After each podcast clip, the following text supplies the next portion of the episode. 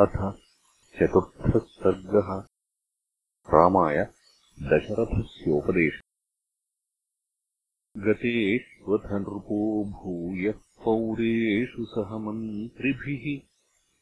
मन्त्रयित्वा ततश्चक्रे निश्चयज्ञः स निश्चयम् त्वयेव पुष्यो भविता। सोऽभिषेच्यस्तु मे सुतः रामो राजीवताम् राक्षो यौवराज्य इति प्रभुः। अथान्तर्गृहमाविश्य राजा दशरथस्तदा सूतमामन्त्रयामास रामम् पुनरिहानय। प्रतिगृह्य स तद्वाक्यम् सूतः पुनरुपाययौ। रामस्य भवनम् शीघ्रम् राममानयितुम् पुनः।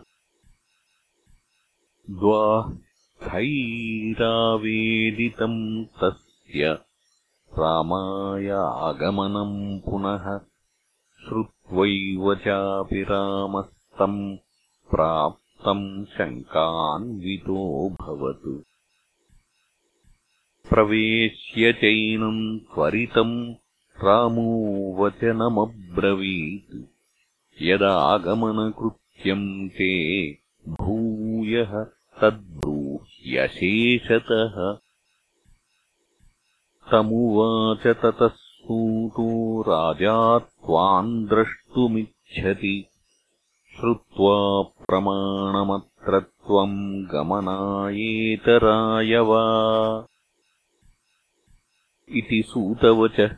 श्रुत्वा रामोऽथ त्वरयान्वितः प्रययौ राजभवनम् पुनर्द्रष्टुम् नरेश्वरम्।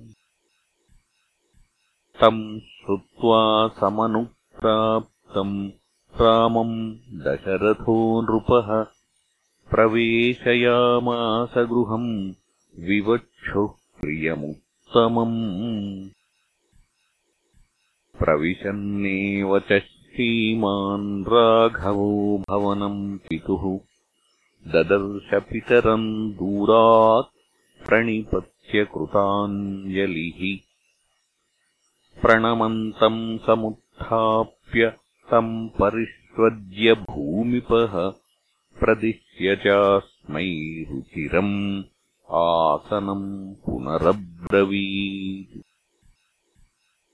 वृद्धोऽस्मि दीर्घायुः भुक्ता भोगा मयेप्सिताः। अन्नवद्भिः क्रतुशतैः तथेष्टम् भूरि दक्षिणैः जातमिष्टमपत्यम् मे त्वमद्यानुपमम् भुवि।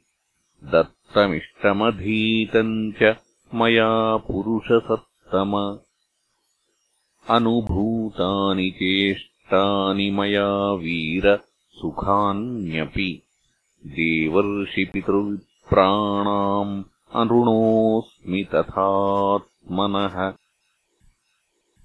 न किञ्चिन्मम कर् कर्तव्यम् तवान्यत्राभिषेचनात्। अतो यत्त्वामहम् ब्रूयाम् तन्मे त्वम्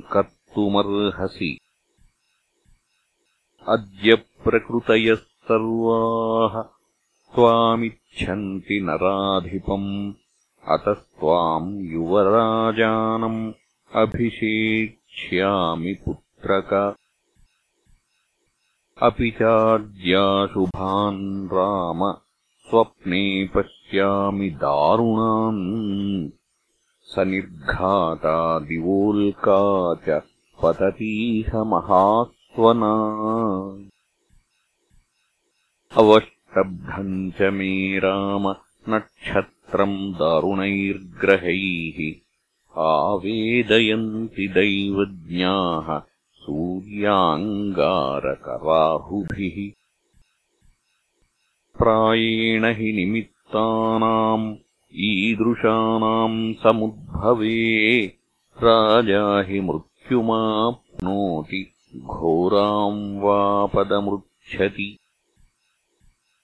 तद्यावदेव मे चेतो न विमुञ्चति राघव।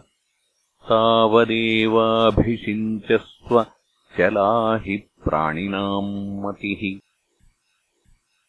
अद्य चन्द्रोऽभ्युपगतः पुष्यात् पूर्वम् पुनर्वसू। श्वः पुष्ययोगम् नियतम् वक्ष्यन्ते दैवचिन्तकाः। ततः पुष्येऽभिषिञ्चस्व मनस्त्वरयतीव माम् स्वस्त्वाहम् अभिषेक्ष्यामि यौवराज्ये परन्तप। तस्मात्त्वयाद्यप्रभृति निषेयम् नियतात्मना। सह वध्वोपवस्तव्या दर्भप्रस्तरशायिना सुहृदश्चाप्रमत्तास्त्वाम् रक्षन्त्वद्यसमन्ततः भवन्ति बहुविघ्नानि कार्याण्येवम् विधानि। हि विप्रोचितश्च भरतो यावदेव पुरादितः तावदेवाभिषेकस्ते प्राप्तकालो मतो मम। कामम् खलु सताम् वृत्ते भ्राता ते भरतस्थितः।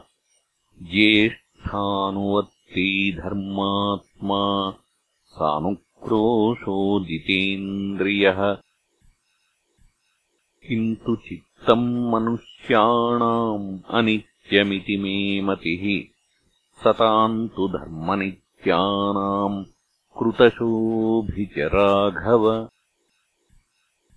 इत्युक्तः सोऽभ्यनुज्ञातः स्वोभाविन्यभिषेचने व्रजेति रामः पितरम् अभिवाद्याभ्ययाद्गृहम् प्रविश्य चात्मनो वेश्म राज्ञोद्दिष्टेऽभिषेचने तत्क्षणेन च निर्गम्य मातुरन्तः पुरम् ययौ। तत्र ताम् प्रवणामेव मातरम् क्षौमवासिनीम्। वाग्यताम् देवतागारे ददर्शायाचतीम् श्रियम्। प्रागेव चागता तत्र सुमित्रा लक्ष्मणस्तदा।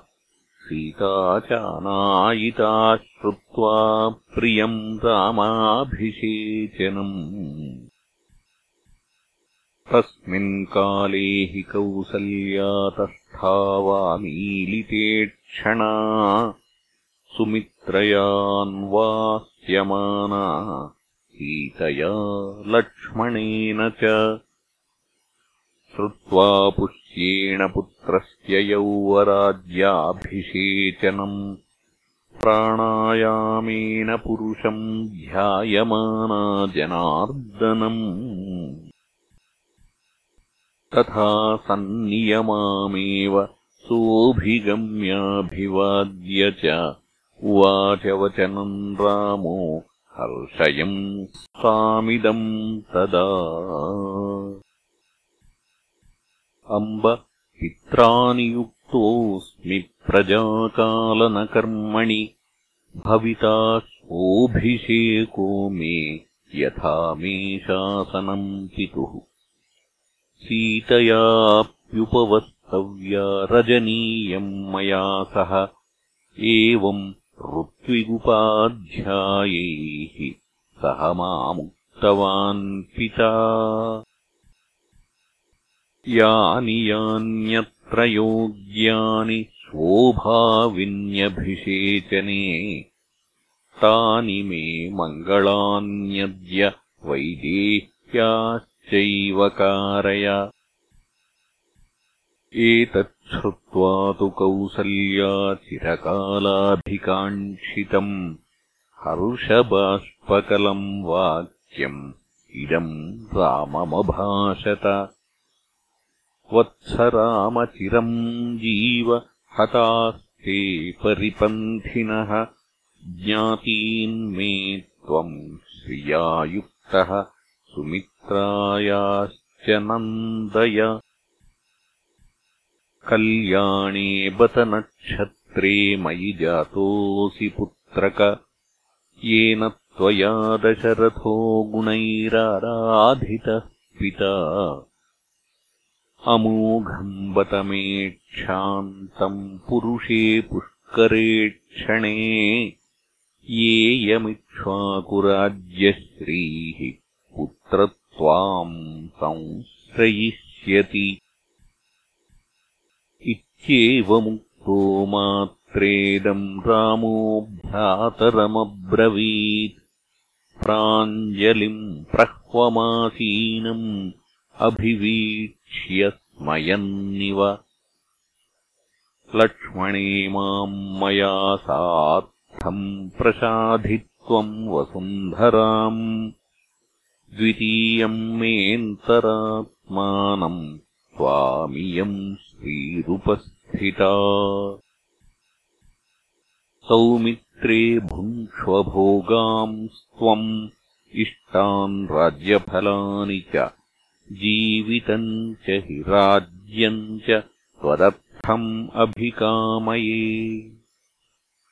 इत्युक्त्वा लक्ष्मणम् रामो मातरावभिवाद्य च अभ्यनुज्ञाप्य सीताम् च जगामस्त्वम् निवेशनम्। इत्यार्षे श्रीमद् रामायणे वाल्मीकीये आदिकाव्ये अयोध्याकाण्डे चतुर्थः सर्गः